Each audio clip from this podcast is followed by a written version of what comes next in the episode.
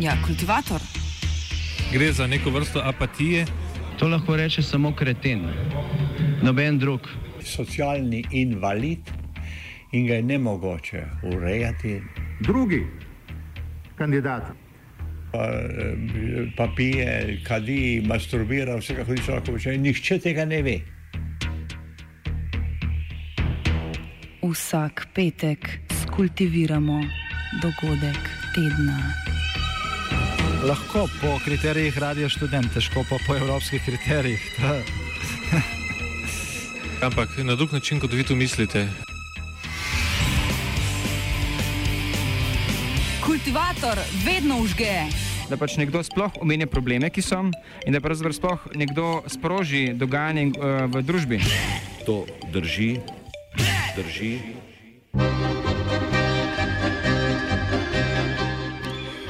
Putin in opozicijski teater.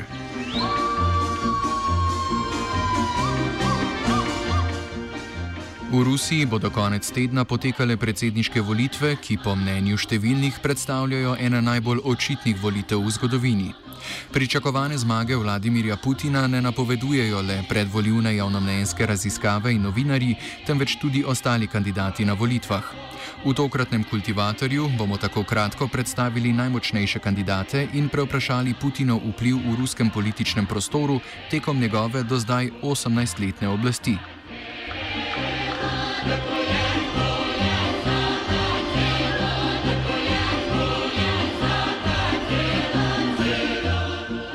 Začenjamo s trenutno najmočnejšim protikandidatom Pavlom Grudininom, predlaganim strani komunistične stranke.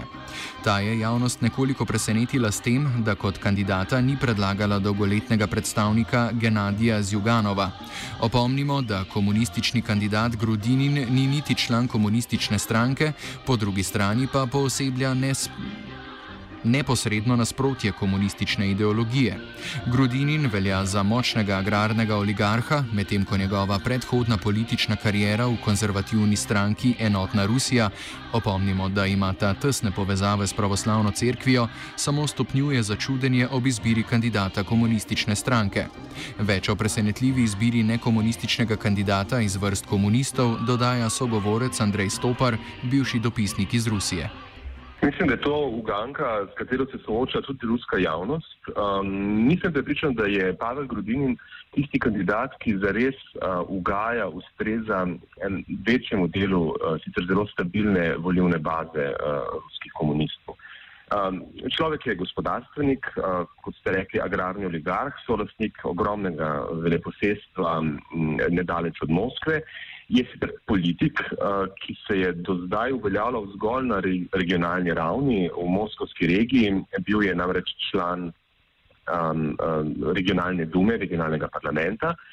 Um, ampak član enotne Rusije. Do leta 2010 je bil Pavel Grudinin član uh, stranke Enotna Rusija, za katero pa vemo, da je, če že govorimo o strankarski ideologiji, nekaj, kar je komunistični ideologiji diametralno nasprotnega. Skratka, enotna Rusija je konzervativna stranka s povdarjenimi tradicionalističnimi vrednotami, uh, uh, s tesnimi povezavami s pravoslavno crkvijo. No, in takšen človek je danes kandidat, predsedniški kandidat uh, komunistične stranke Rusije. In še nekaj je zanimivo, leta 16 na volitvah uh, se sploh ni mogel prebiti v parlament, torej v Dumo. Tako da m, zanimiva izbira za mnoge Um, nekaj zelo nenavadnega.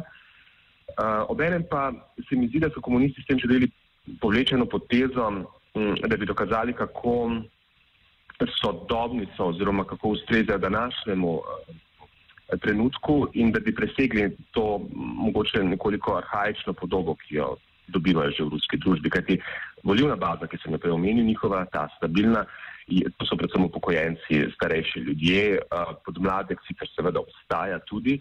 Um, tudi Rusija se sooča z neke vrste uh, nostalgijo po sovjetskih časih, tukaj ni nobenega dvoma, ampak vendarle um, komunistična partija se mi zdi, da se je s tem skušala pokazati, da je to vendarle sodobna stranka, ki gleda naprej in ki išče drugačne tipe liderja. Najmočnejši protikandidat iz liberalnih vrst je Gregorij Javlinski. Stari znanec ruske politike in večletni predsednik stranke Jabolko se je na predsedniških volitvah potegoval že leta 1996 in leta 2000.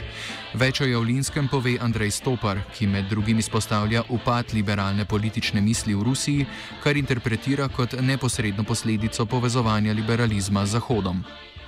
Grigorij Olinski je človek, um, osebno mislim, da je velika škoda, da, um, da ni bil v vsej svoji karieri uspešnejši. Kajti Olinski je človek z zanimivimi idejami, z veliko konkretnimi predlogi, um, zelo sposoben ekonomist.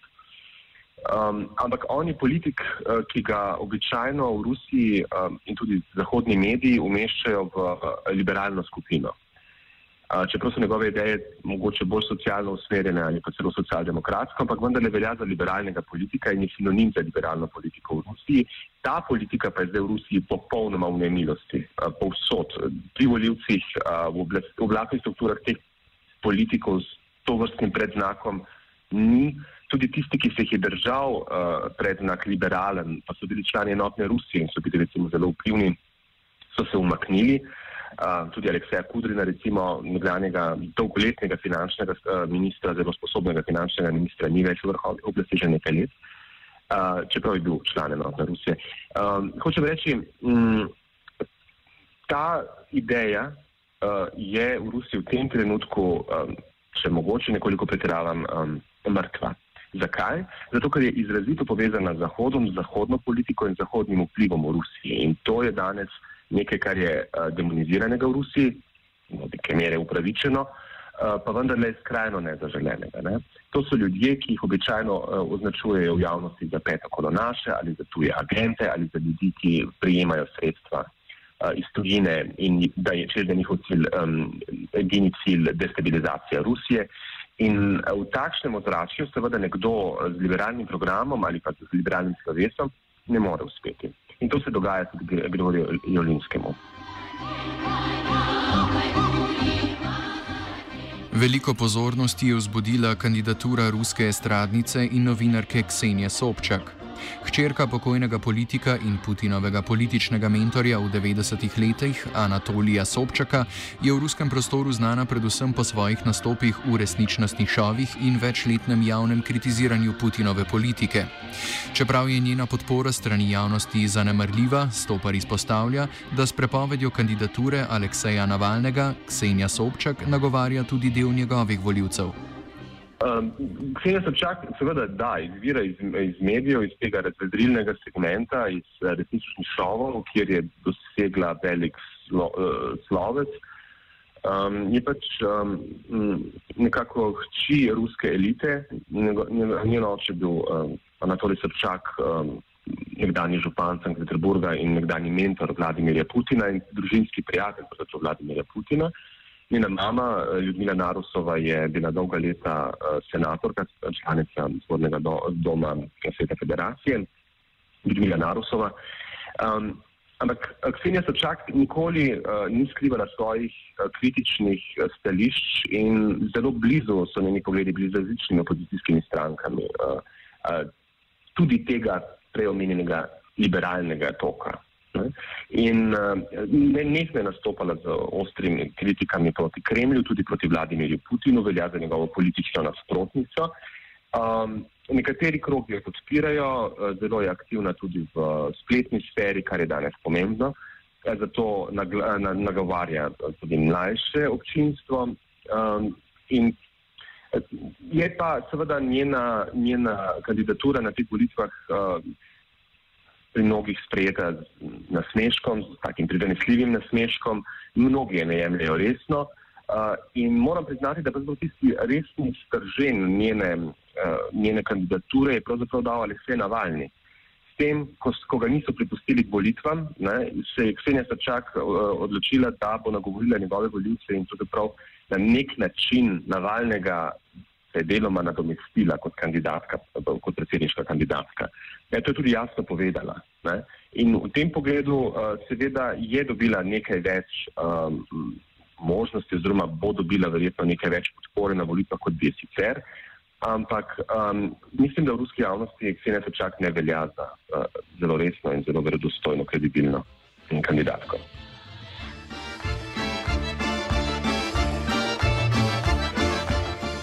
Poleg izpostavljenih kandidatov se za predsedniško mesto potegujejo še Vladimir Žirinovski, predlagan strani nacionalistične liberalno-demokratske stranke. Medtem ko je na prvih ruskih volitvah leta 1991 pristal na tretjem mestu, je v naslednjih štirih poskusih na predsedniških volitvah njegova podpora postopoma upadala. Sledijo pa še bivši rektor Moskovske univerze Sergej Baburin, Maksim Surajkin strani stranke Komunisti Rusije in Boris Titov iz stranke Rasti.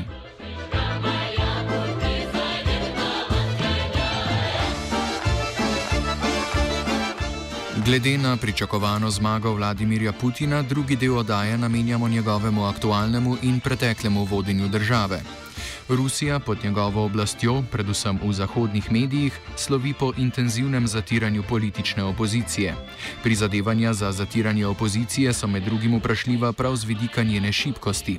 Nemoč opozicije se med drugim odraža tudi v tem, da predsedniške volitve ne morejo ponuditi konkurenčnega protikandidata.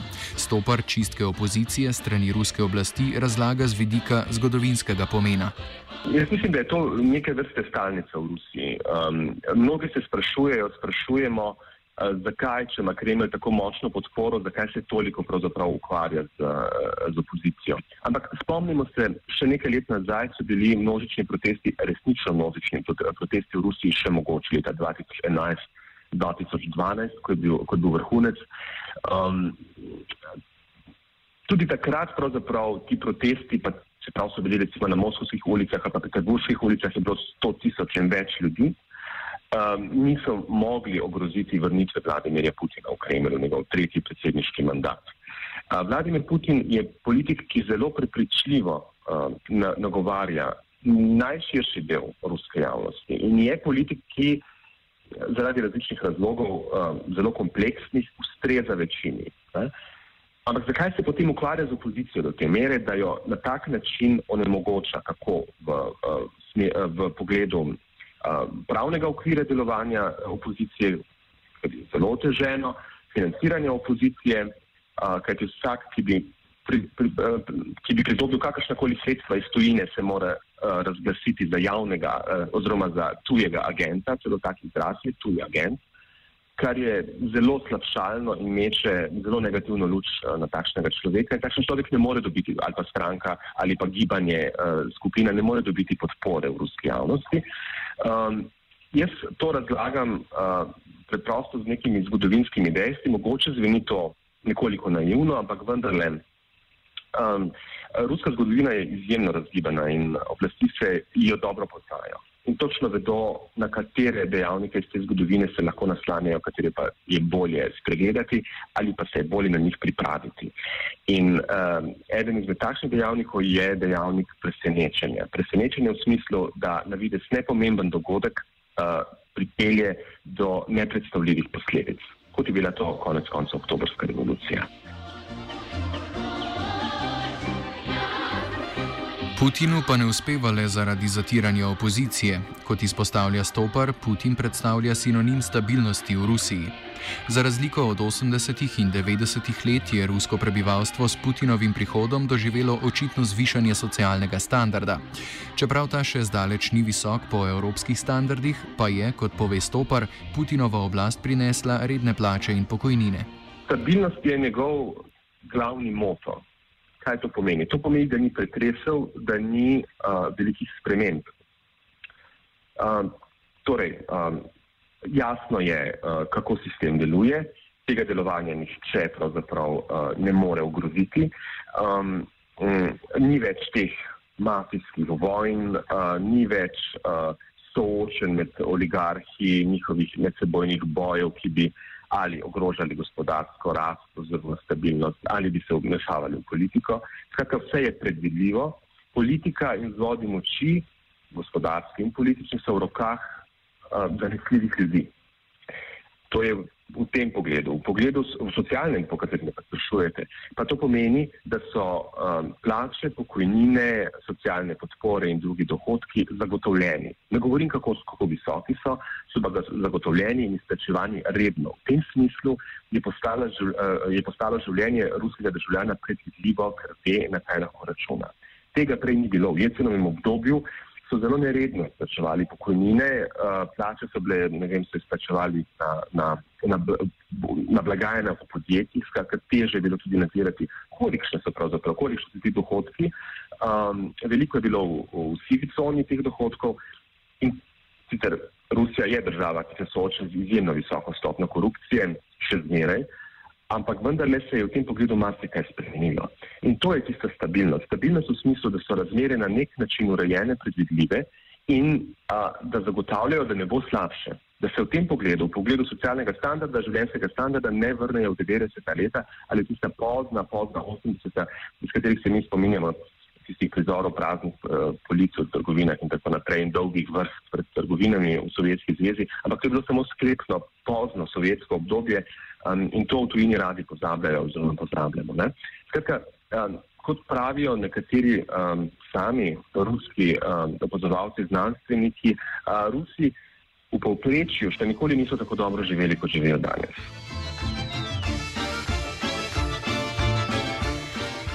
Kot v prejšnji izjavi že nakaže Štopar, oziroma Stopar, je eden izmed ključnih Putinovih dosežkov prav brzdanje ruske oligarhije.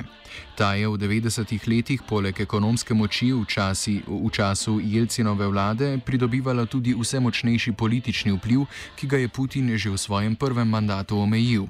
Zaplembe premoženja, zapor, pregon iz države ali smrt v sumljivih okoliščinah so začrtale nove meje ruskim oligarhom. Pri tem poudarimo, da si Putin vsekakor ni popolnoma podredil ruske oligarhije, temveč je slednjo le odrinil izven najvplivnejših političnih funkcij in z njo začel sobivati.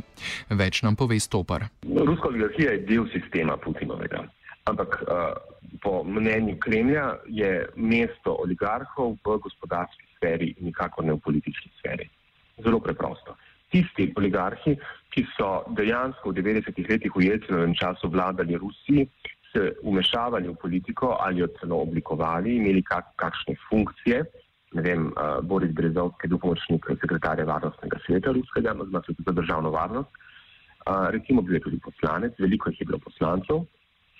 Um, ampak poslancev ne samo nominalno, ampak s političnimi ambicijami, ne, s političnimi programi in s povezovanjem svojega posla s politiko. Tega Vladimir Putin ni želel. Zato je z oligarhi upravil pravzaprav že začetku svoje kar, predsedniške karijere v prvem mandatu. Uh, predvsem so bili tukaj pomembni trije, uh, Boris, um, oziroma Mihajl Hodorkovski, Boris Berezovski in uh, Vladimir uh, Gusinski. Uh, Hodorkovski kot najbogatejši, najvplivnejši in tudi najbolj samosvoj. Um, zgodba je znana, uh, njegov imperij, ko uh, so uh, zaplenili, razgrabili, um, razkosali, um, Hodorkovskega pa, pa zaprli za kar nekaj let.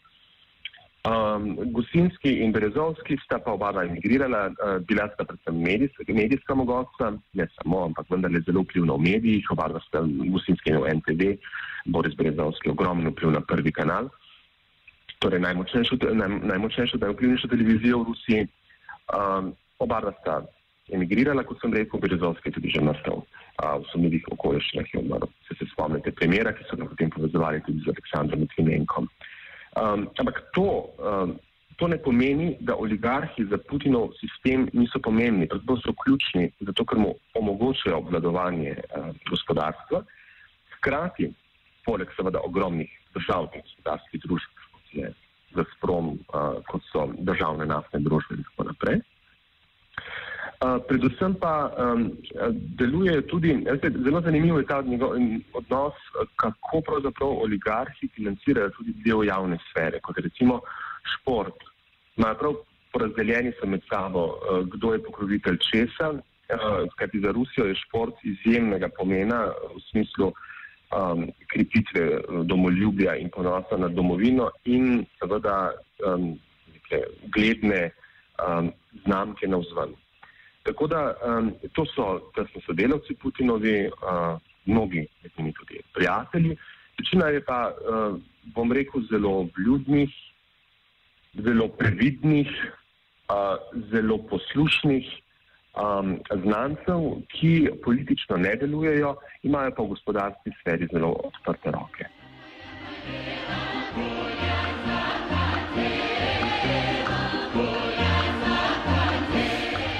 Pripomnimo, da se Putin ne udeležuje predvoljivnih soočenj. Predvoljivna kampanja je bolj naravnana na medijsko promocijo in oglaševanje, naprimer na embalažah za mleko. Vsebuje pa tudi nekoliko bolj eksotične načine promocije, kot je naprimer brezplačno testiranje za raka na dan volitev in recimo že samo izbiro datuma volitev. Te bodo namreč potekale na obletnico aneksije Krima.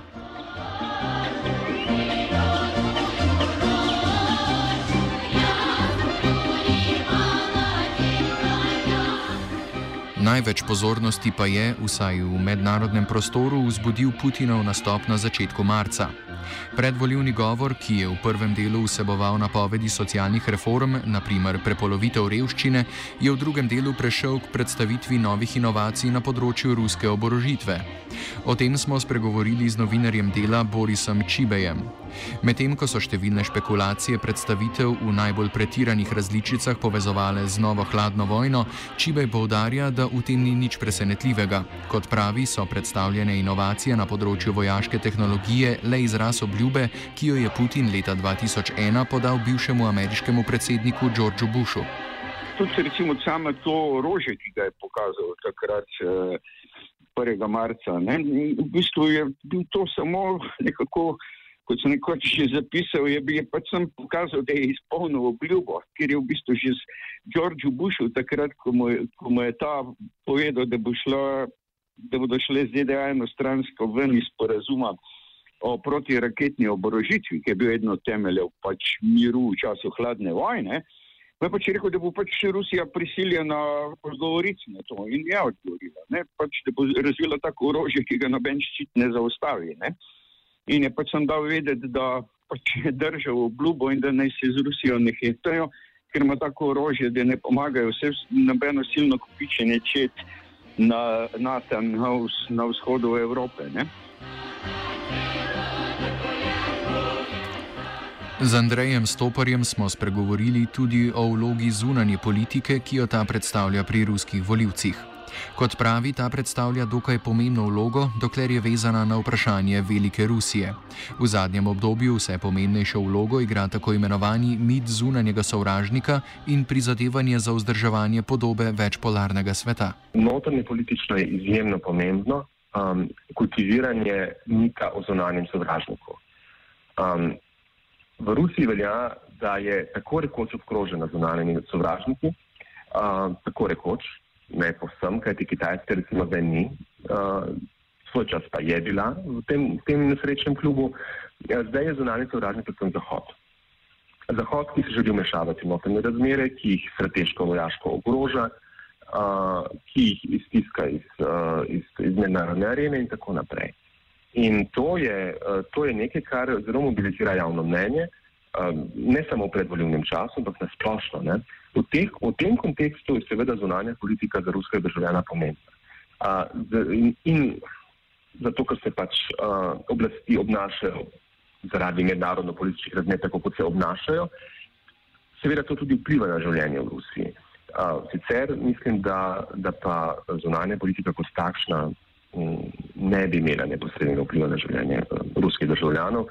Rusija je prevelika, eh, v veliki meri samozadostna.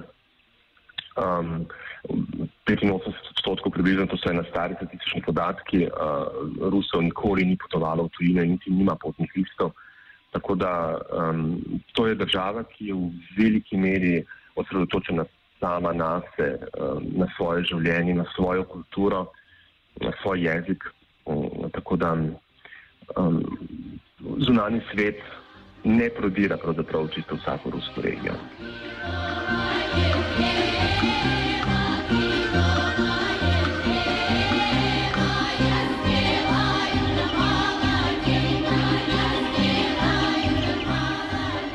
Vse kaže na to, da prihajajoče volitve v Rusiji ne bodo postregle s presenečenjem. Po zaslugi spremembe ustave ob koncu mandata Dimitrija Medvedjeva se je predsedniški mandat podaljšal 4 na 6 let. Tako bo Vladimir Putin v primeru zmage predsednikoval vse do leta 2024. Sodeč po ustavi Putinu ne bo omogočena ponovna zaporedna kandidatura. Stopar tako izpostavi dve možnosti. Prva predpostavlja Putinov umik iz politike, medtem ko je po drugi strani mogoče predvidevati spremembo ustave, ki bi mu omogočila dodatno kandidaturo. Možen odhod iz politike odpira vprašanje naslednika, saj trenutno ruski politični vrh, kot dobro nakazujejo tudi prihajajoče volitve, nima ustreznega naslednika. Več nam za konec pojasni Stopar. Glede na dosedanje izkušnje, naj, najbolj zanesljiv uh, ali pa naj, najverjetnejši scenarij takšen, da bodo tudi pred zdajci našli kandidata in ga predstavili kot predsednikovega izbranca in ga potem uh, um, tudi izvolili na uh, volitvah. To je preizkušen model in glede na to, kako se oblikujejo kampanje, kako se pojavljajo kandidati v zadnjih 20 letih, um, ni videti, da bi, da, bi, da bi Kremelj to strategijo skušal spremeniti. Tako da s kar veliko verjetnostjo lahko rečemo, da se bo nekaj takega ponovilo leta 2024. Nič nenavadnega ni, da zdaj ne vidimo tega kandidata, kajti če bi ga videli zdaj, bi to pomenilo, da v tesnem krogu Putina obstaja nekdo, ki ga lahko grozi ker je pač močan konkurent. Um, druga možnost je, uh, da vendarle um, spremenijo ustavo in uh, spremenijo ustavo v smislu, da uh, ne omejuje več zaporednih mandatov predsednikov. Kar pomeni, da bi leta 2024 lahko predsednik seveda spet postal stari novi, Vladimir Putin. Čeprav nekateri upozarjajo, da je že toliko v letih, da, ampak gledajte, svetovnih voditeljev, marsikaterih leta niso ovirala. Um, seveda, lahko pa začnemo špekulirati in si izmišljujemo razno razne eh, scenarije, ki pa mislim, da bi bili vsi precej turbulentni, nepredvidljivi in lahko tudi krvavi.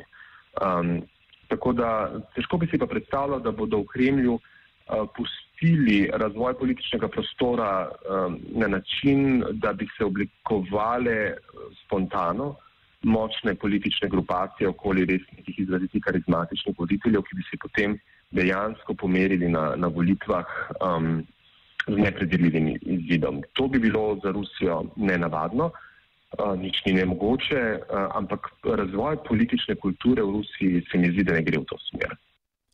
Kultiviral je žiga.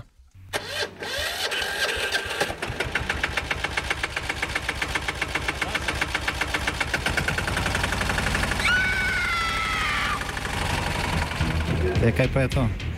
Ja, kultivator. Gre za neko vrsto apatije. To lahko reče samo kreten, noben drug. Socialni invalid in ga je ne mogoče urejati. Drugi kandidat. Pa, pa pije, kadi, masturbira, vse kako hoče lahko reči. Nihče tega ne ve. Vsak petek skultiviramo dogodek tedna. Lahko po kriterijih radio študent, težko pa po evropskih kriterijih. Ampak na drug način, kot vi to mislite. Kultivator vedno užge. Da pač nekdo sploh omenja probleme, ki so, in da pravzaprav sploh nekdo sproži dogajanje uh, v družbi. To drži, drži.